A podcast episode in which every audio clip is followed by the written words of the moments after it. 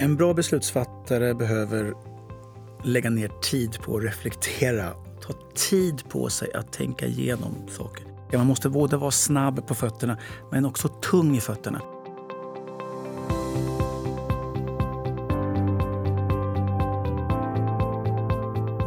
Varmt välkommen till eh, Konkurrenskraft och Eh, det här tredje avsnittet faktiskt. Och eh, vi pratar fortfarande om framtidens beslutsfattande, verksamhetsstyrning och ledarskap.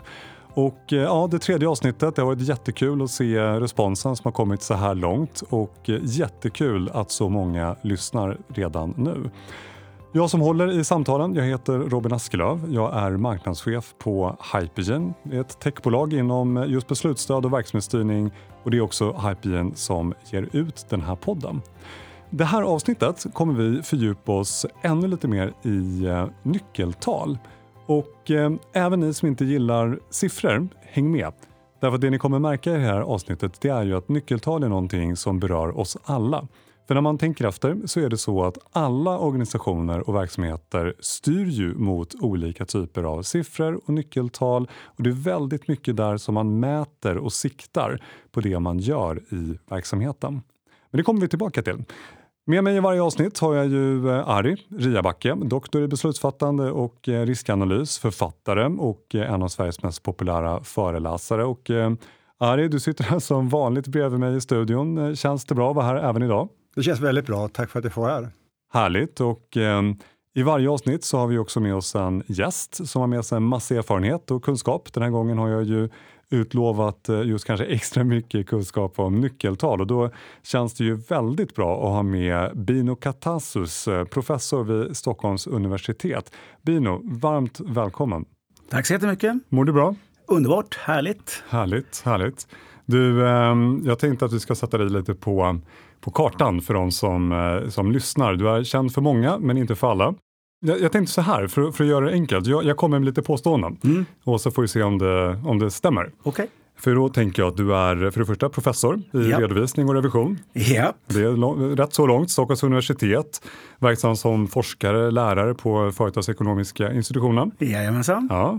Och då ska vi se forskare om redovisning, mätning, styrningsfrågor och författare till böcker, vetenskapliga artiklar. Ja. Och sen, eh, sen har jag något nedskrivet här också. Du är verksam i något som heter Nyckeltalsinstitutet. Ja, lite kinky där. Jag har alltså skrivit en bok som heter Boken om nyckeltal och är verksam i Nyckeltalsinstitutet. Det verkar ju lite konstigt, men det är lite av passion. Siffror, människor, relationen däremellan. Ja, vi kommer tillbaka till den här, mm. den här boken. För jag, jag fångade ett citat en gång också som du, som du sa. Du, du sa någonting om eh, siffrornas magi. tycker jag säger någonting om din relation till, till det här med siffror och, och nyckeltal. Precis. Men eh, jag tänker så här, eh, man behöver värma upp och eh, ett sätt att göra det, det är att köra lite snabba frågor, snabba svar. Så jag tänker att vi, vi börjar där. Mm. När har du som roligast på jobbet? Eh, som roligast på jobbet? Alltså jag har... En av de bästa sakerna med att vara lärare eller att föreläsa det är när man ser glitter i ögonen. När man ser att människor liksom hajar till. Det är, det är en riktig lycka. Mm. Den andra lyckan den är när jag sitter och forskar och kommer på att jag har fel. Alltså det, är, det, det, är faktiskt, det låter inte klokt, men det är det bästa jag vet. Det är att förstå att jag har haft fel. Mm. För då har jag ju lärt mig någonting. Ja, så det, det, är den riktiga lyckan. faktiskt. Ja, ja. Och eh, när är du som mest stolt? Vi kan ta det senaste året. Något du är stolt över? Ja, det, ju, det har ju med de två sakerna att göra. Alltså när, jag, när jag kan jobba tillsammans med människor som gör att jag får tänka nytt och tänka mm, mm. annorlunda. Mm. Och när jag undervisar och känner att det går bra och jag märker att folk kommer därifrån och med lite inspiration går vidare liksom, och tänker mm. tvärtom eller vad det nu ska göra. Mm. Få, få, lite tankeställare. Då, och jag, jag, är ganska, jag är väldigt stolt, stolt över liksom, eh, eh, den arbetsgrupp jag har. Som är, vi har jättebra liksom, diskussioner och tycker att vi funkar otroligt bra på universitetet. Så mm. jättebra. Mm. Ari, jag tänker du får också värma upp rösten lite här. Vad, mm. vad är du mest stolt över sista året? Det är nog liknande saker där som gör mig stolt eller glad. Det liksom hänger ofta ihop också. Mm. Eh, när människor får till sig någonting som de berikas med i mötet mm. med mig eller min fru eller när vi är ute och föreläser och sådär. Ja, men det är kul. Ni, ni föreläser ju på lite olika sammanhang. Du, du står lite mer på en scen, Harry. Ja. Du är lite mer i föreläsningssammanhang i, i lektionssalarna. Absolut. Ja. Om vi tittar lite framåt då, så tänker vi om tre år. Bino, vad tror du att du är mest stolt över då?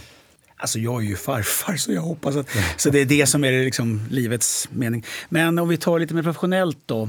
Så hoppas jag... Eh, jag hoppas att jag har... Nog flera av mina kollegor har blivit professorer. Det här är ju liksom en, en kollektiv fråga där man hjälps åt varandra så att man, vi lyckas få igång en ännu starkare forskningsgrupp. Det är... Eh, ja, det, jag hoppas också kunna skriva lite fler böcker. Jag har ju hur många projekt som helst. Mm, men jag, mm får liksom inte riktigt till det. Så jag ska iväg nu faktiskt i januari, tre månader och okay. bara skriva. Okej, okay. ja. ja, spännande. Så jag fram emot att läsa. Ja. Och eh, nu, du lär ju ut mycket uppenbarligen i din lärarroll. Mm. När, när du ska få inspiration mm. eh, och när du ska lära dig någonting, vem träffar du då? Om man tänker en lunch, sådär, mm. vem träffar du för att få inspiration? Hmm. Alltså, alla mina idéer kommer egentligen från någon annanstans än det jag håller på med. Alltså jag, jag tror på bredd. Jag tror att man måste titta annanstans. Titta på en audiolog, en, en virusforskare. Någon som kan någonting bara. Mm. För det, det därifrån kan man få med sig saker. Jag, menar, jag, jag läste någon virusforskning som handlar om skydd. Och mm. Hur kan man skydda sig? Hur ska man tänka på att saker kommer in i företaget? Helt plötsligt så börjar det liksom gå igång. Mm. Så för mig är det så att eh, det är inte gräva djupare utan det är gräva bredare. Ja, som är min, det, det, är mitt sätt att, att lära mig. Mm. Vad tänker du Ari? Nej, jag tänker att eh, alltså det är en bra metafor det här med att gräva bredare. Eh, därför att väldigt ofta när vi pratar om det här, det slitna uttrycket tänka utanför boxen. Även om vi liksom sätter upp 500 post-it-lappar så kommer inte den där utanför boxen-tanken att vara en av de 500. Mm. I synnerhet inte om det är samma folk som gör det som alltid har varit på stället. Så vi behöver blanda kunskaper, vi behöver ta in intryck, influenser, inspiration från andra områden. Folk behöver inte anställas, man kan plocka in folk på, på tidsbegränsade projekt. Å ena sidan, men, eh, och det gör ju du, Dino, forskar, för djupet behövs också. Mm. Det behövs ett ordentligt djup, för det djupet ser vi inte alldeles för mycket av i dagens samhälle. Det är ganska grunt i många kunskapsvatten idag. Mm. Och jag tänker lite apropå på djup så ska vi komma in lite på, på ämnet för dagen mm. och faktiskt bottna lite mer i frågan och, och grotta ner oss lite här nu i, i nyckeltal, för det är ju mm. någonting som, som du uppenbarligen är barnsligt förtjust i. Mm. Jag mm. tänker det här du sa i början till exempel med, med eh, nyckeltalets magi och sådär. Men eh, bara för, för att ge lite kontext till, eh, till lyssnarna sådär, så tänker jag att det här med, med siffror, nyckeltal, data, information, ja, men det, det där är ju någonting som vi uppenbarligen ser oerhört mycket mer av hela tiden. Om man mm. tittar på mängden digitalt lagrad information så läste jag en siffra någon gång, det var Gartner, analyshuset. De sa att eh, mängden digitalt lagrad information ökar med ungefär 60% per år i ett företag. Och så tänker jag nästa tanke också, att du har ju skrivit den här boken du nämnde, boken om nyckeltal, passande mm. nog. Alltså, vad, vad är din relation till till nyckeltal. Hur, hur, ser den ut och hur började den här, om jag får kalla det, kärleken? Jo, vi börjar i mellanstadiet. Nej, eh, utan för mig var... Alltså jag kan säga att hela idén om karta och verklighet har varit min... Eh, det var så jag kom igång med det. kan Jag säga. Jag var inte alls intresserad av ekonomi, jag ville bli skådis. Men, men, eh, men när jag kom till den här idén om karta och verklighet som redovisningen Eh, de facto är som en slags karta. Då, då blev det intressant att se vad är det som är viktigt och hur formulerar man viktiga saker. Och det, där har, det, har varit lite, det har varit extra viktigt för mig för att förstå att det ska vara tal som är intressanta, brukar vi säga. Och jag kan säga att det är en riktigt stack iväg för mig. Det är ju den historien som jag ibland berättar men när jag kom hem med en våg och jag tänkte gå ner i vikt och min fru säger du går, ner i, du går inte ner i vikt bara för att du köper en våg. Och, och för mig var det liksom, ja men nu har vi fångat det. Mm. Det är liksom vissa siffror som man måste bry sig om. Som måste vara, spela roll. Då kan de hjälpa till. Annars spelar de ingen roll. Mm. Så det är kanske min livs eh, sådär, forskningsgärning. Att, att prata om relationer mellan människor och, och siffror. Och att liksom ta siffrorna allvarligt och inte bokstavligt. Mm, mm. Och, och, där tänker jag också med, med, med dig, Jari. Du, uh, du har också en, en typ av relation till, till data. Eh, vid något tillfälle så minns jag att du sa att, eh, om jag minns rätt här nu, hälften så mycket dubbelt så bra. Mm. Eh, vad tänker du? Jo, hälften så mycket dubbelt så bra. Jo, men det, det är en sån typisk grej som folk kommer ihåg från föreläsningar.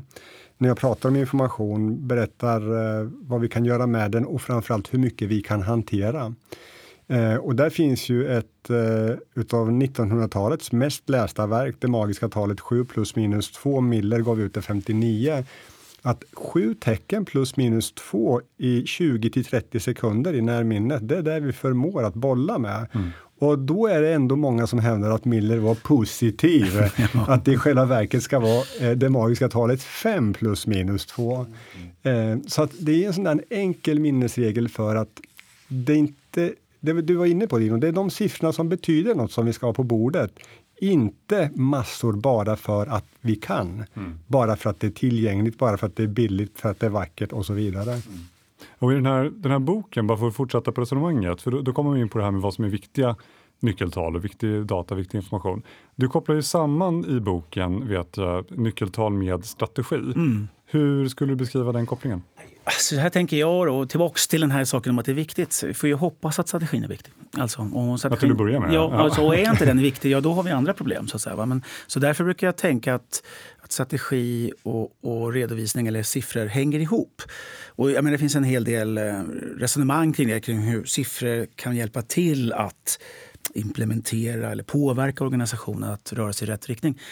Men man kan också se, vända på det och säga att ju med de här en strategi fungerar ju inte utan att man har in underlag till en strategi. Så att så fort det sker en förändring så kommer ju siffrorna in och påverkar.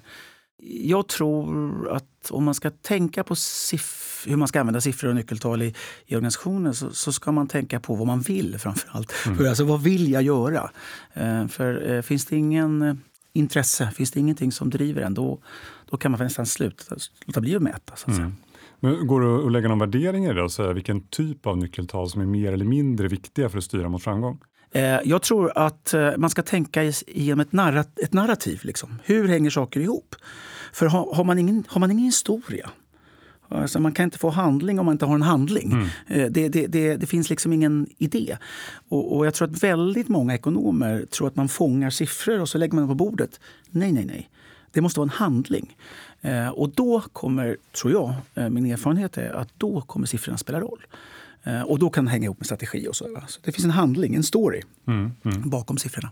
Men jag tänker, där är ju också, det är ju en handling att, också att skapa nyckeltal. Absolut. Finns det någonting att, att liksom se upp med eller tänka på? Ja, där? alltså det är för många framförallt. Det är ju det, det, precis som du sa, det, det, det är ju liksom mm, problemet att man har för många. Eh, så att en, en, en, ta bort hälften är, kan ha som en tumregel bara för, som att börja med. Mm. Men, men om man ska vara lite mer sådär på pricken så tror jag att man, man ska akta sig för eh, att tänka tänka på hur man själv förstår det. För att siffrorna ska ju konstrueras utifrån användarens perspektiv.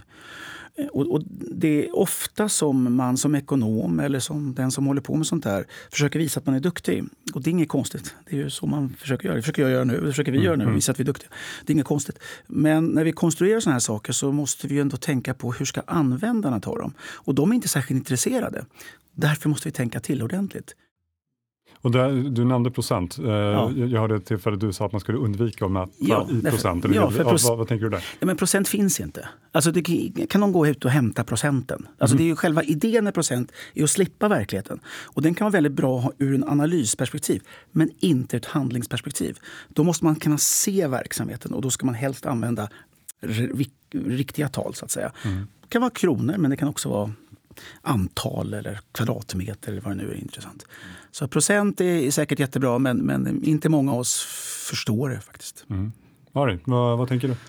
Eh, jag kommer att tänka på, på egen forskning faktiskt när vi, när vi tittar lite närmare på hur folk uppfattar procent.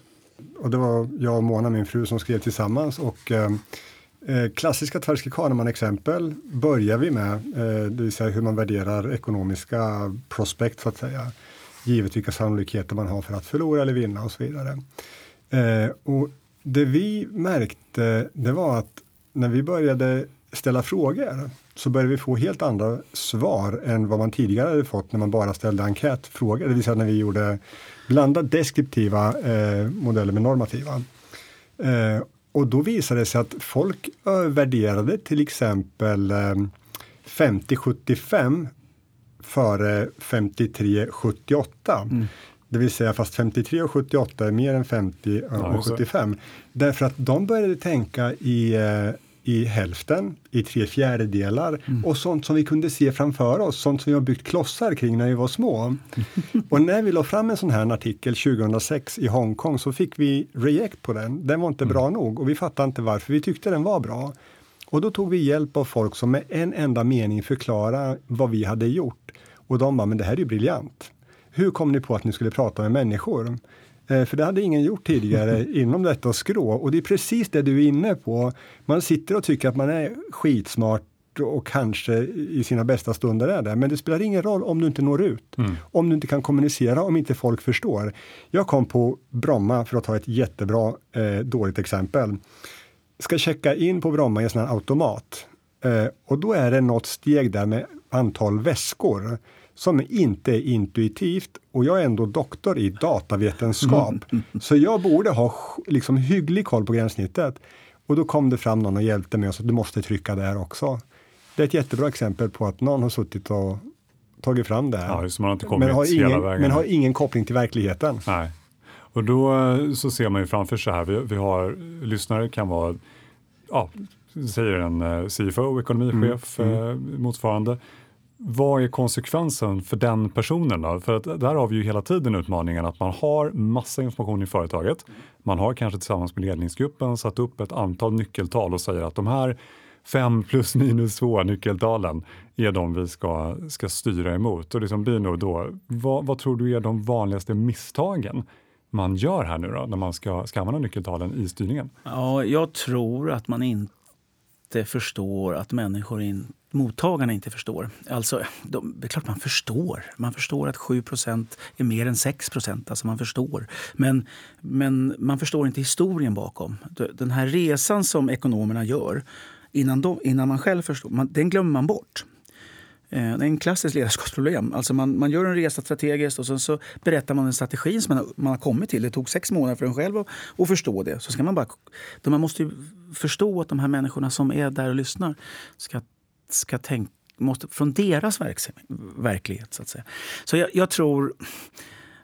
Jag kan ta ett exempel. Jag var ut, en av mina forskningsprojekt har varit att vara på bolagsstämmor och lyssna på lyssna på bolagsstämman, se vad som händer. Mm. Vad, gör revisorn? Vad gör och det är ju fascinerande hur man står och liksom pratar om ebitda-marginaler och, och de har ökat 3 Och då vet man inte om det har ökat 3 procentenheter eller om de har ökat 3 Så det, det, min poäng är, det måste förklaras, om man vill ha handling alltså. Mm. Mm. Det, ju, det, vill man ju inte i och för sig i en bolagsstämma. Det vill man ju veta. Nej, men I grund och botten ska ju ändå nyckeltalen leda ja, till någonting. Det, Styrning ja. handlar ju om att få till ett agerande precis, precis. Och, och, då, och då, då eh, kan det ju inte lyckas om de som sitter där och bara tänker jaha, okej, okay, det var mycket, det var lite, nästa fråga. Så det måste skapa någonting hos dem, en förståelse, en, en, en eh, någon acuteness eller något intresse, någonting som gör att de här siffrorna spelar roll. Så att, eh, att tänka på mottagarens villkor, det är det som är hemligheten mm. tycker jag. Mm.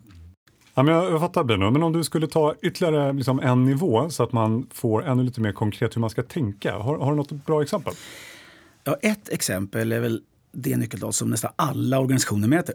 Och det är ju personalomsättning. Och typiskt så rapporterar man 9,87 procent. Eller sånt där. Glöm det. Tänk 10 procent. Och vad kan 10 procent betyda? Ja, det betyder ju faktiskt att folk jobbar 10 år i snitt. Och har vi det i huvudet så blir det ju något helt annat. För man slutar ju inte i procent, man slutar i år. Nej, ja, men så I grund och botten, och liksom, om vi tänker det vi har pratat hittills.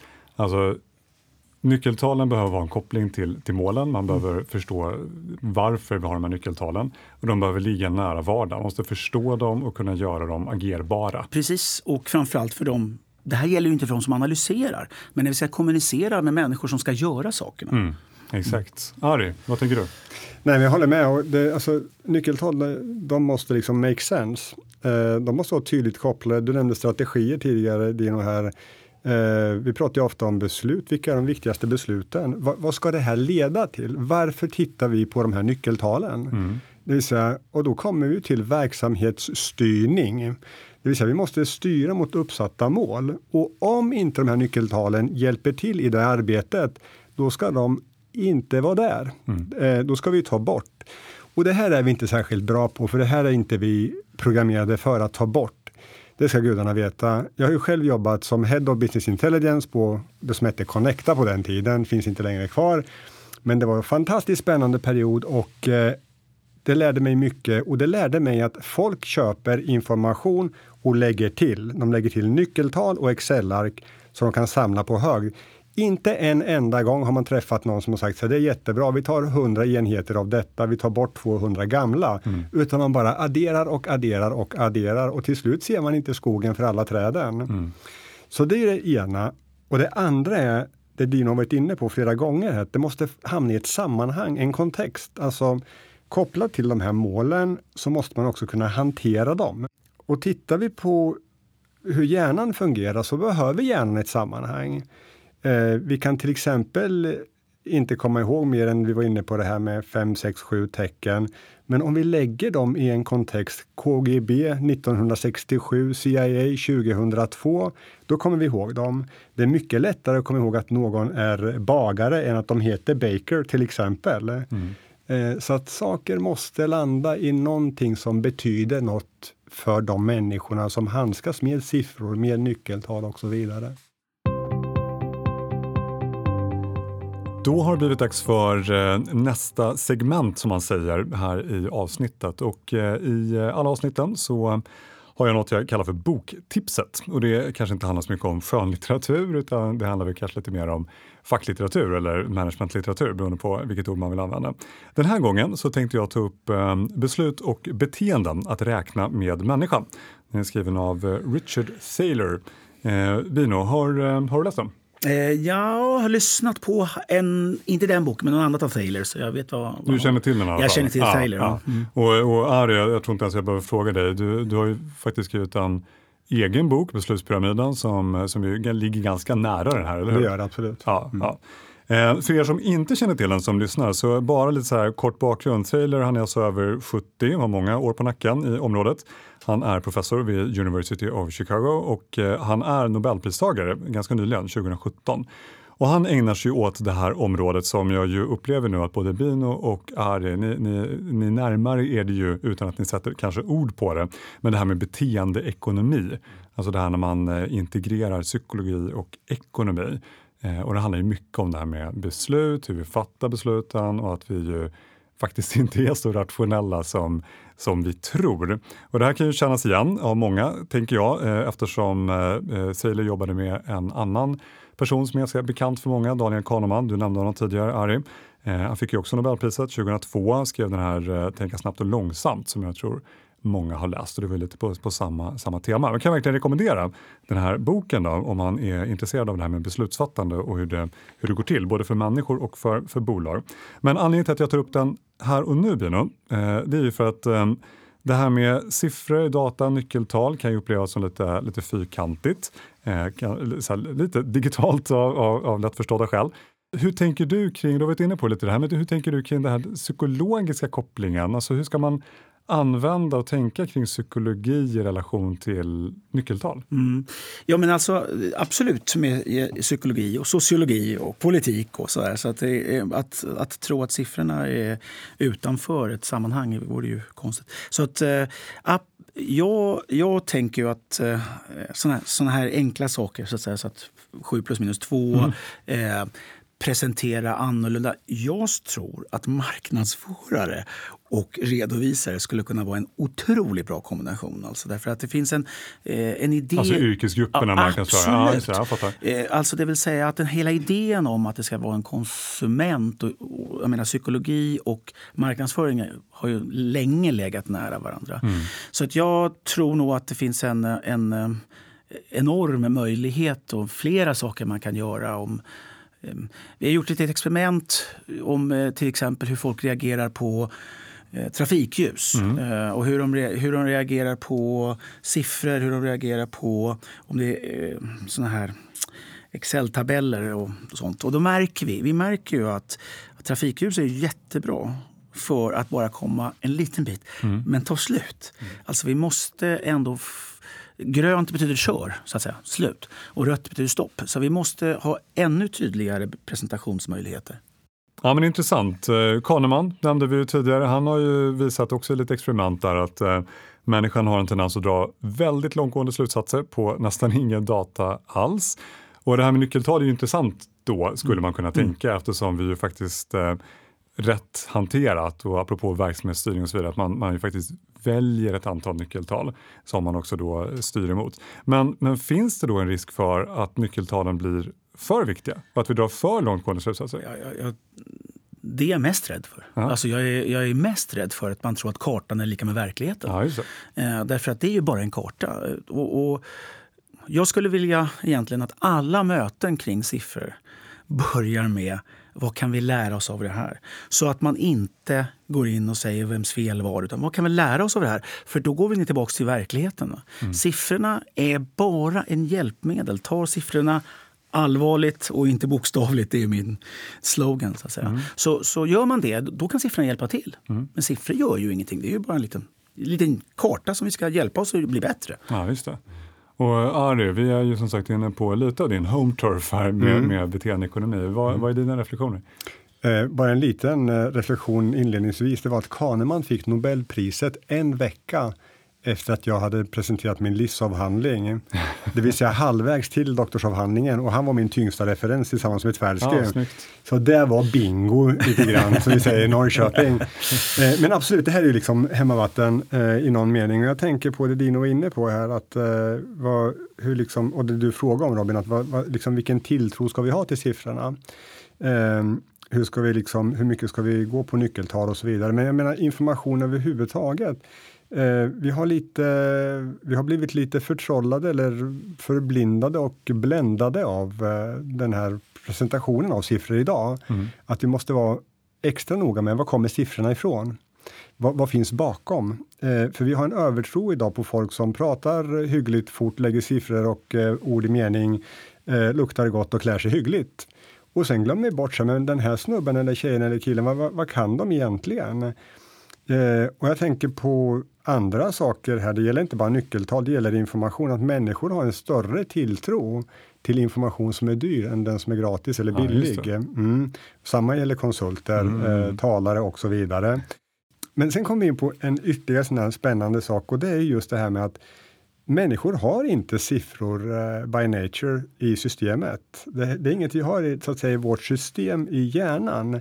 Och så sitter man på ett bolag eller på möten och så säger någon så här Sannolikheten för att den här affären går i lås är 75 procent. Och då blir jag så här, men vart kommer de 75? Ja, men det är en samlad erfarenhetsbild och då vet man att den här personen har ingen aning om vad den pratar om. Ja, eh, för att få 75 procent så måste man ha väldigt mycket historisk data att falla tillbaks på. Eh, det räcker inte med en eller två eller tio eller tjugo sådana situationer som är identiska för att kunna mm. uttala sig. Eh, och det här måste vi ha respekt för, att vi kan säga så att ah, känslan är att det kan gå vägen, men kom inte och säga att den är 75 procent, för då förlorar ni mig i alla fall. Mm.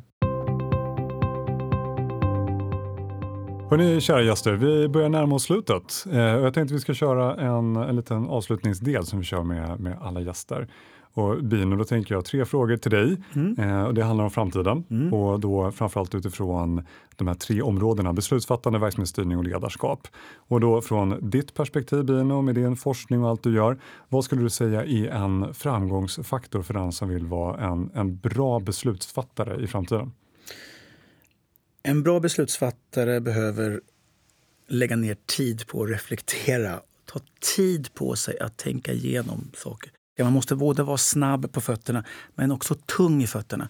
Ehm, man, eh, det finns en tendens att fatta beslut väldigt snabbt eller väldigt långsamt.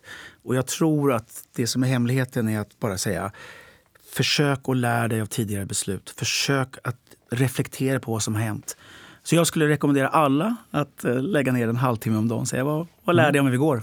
Mm. Mm. Ja, bra tips. Och om man tittar in i området verksamhetsstyrning och tänker att man ska vara framgångsrik i framtiden kring just styrning av verksamheter. Vad behöver man tänka på då? Ja, det har med det här att göra också. Men jag tror att vi behöver, vi behöver eh, ge människor möjlighet att förlora tillbaka till, Tversky och Kahneman. Så att säga. Vi, är ju, vi, är ju, vi är ju lite programmerade i att det är mer obehagligt att göra fel än att det är bra att göra rätt. Mm. Eh, och därför är risken att vi, aldrig, att vi inte visar när det går dåligt. Och det är lite, para, lite paradoxalt, för det är ju när det går dåligt som vi lär oss. Så här finns det en möjlighet i verksamhetsstyrning att våga ta fram grejer, prata om det och gå vidare och försöka lära sig. Så att varje möte ska börja med vad har vi lärt oss i det här mötet? Ja, just det. Och slutligen, nyckeln till eh, framtidens ledarskap? Ja, där handlar det om att ta hand om eh, människor, eh, tror jag. Det handlar om att eh, eh, det är ju trots allt människorna som det hänger på. Mm. Eh, så eh, se till, människan är faktiskt den viktigaste resursen. Så jag brukar säga faktiskt. Så det är inte bara liksom snack, utan faktiskt är det. Mm. Så ta hand om dem. Så med andra ord, professorn i, eh, i redovisning har pratat mycket om människan, om hjärnan, om känslorna, reflektion, betydelsen av lärande. Intressant. Eh, Ari, det börjar bli lite av en tradition nu, men jag tänker att eh, du får liksom ge sista reflektionen. Vad, vad är dina takeaways här nu från, från samtalet vi haft? Eh, jag tycker det är fascinerande till att börja med, Dinos den här, eh, eh, vad ska man säga, att, han, att prata om att det lyser i ögonen när man tittar på siffror. Eh, när man pratar om att styra verksamheten utifrån den typen av information. För jag tror att vi måste få in glädje i den dimensionen. Så att det inte blir någonting träigt, någonting formaliamässigt, någonting som bara ska plöjas igenom, utan att man finner glädje och man finner mening i det. Eh, och där är ju Dinos eh, sista del av reflektionen här, att det, alltså ett framtida ledarskap till exempel, det handlar ju om människor. Eh, människor älskar människor och människor gör affärer med människor. Och vi måste ta in den mänskliga aspekten i det och vi måste också våga prova oss fram. Det vill säga att vi måste bygga en kultur som är förlåtande i den meningen att ibland får det faktiskt bli fel. Mm. För det kommer det att bli. Det får inte bli det varje gång, men mellan varven så måste vi våga göra fel. Mm. I vissa läger har det blivit viktigare att inte göra fel än att göra rätt och så kan vi inte ha det. Och med det sagt hörni, det är dags att uh, knyta ihop säcken och avsluta det här avsnittet nu. Bino Katasus, Ari Riabacke, stort tack för att ni har varit här. Ni som uh, lyssnar, gå gärna in på hypergene.se. Där hittar ni mycket mer information, inspiration kopplat till den här typen av frågor inom beslutsfattande, verksamhetsstyrning och så vidare. Tack så mycket, ha en fortsatt bra dag.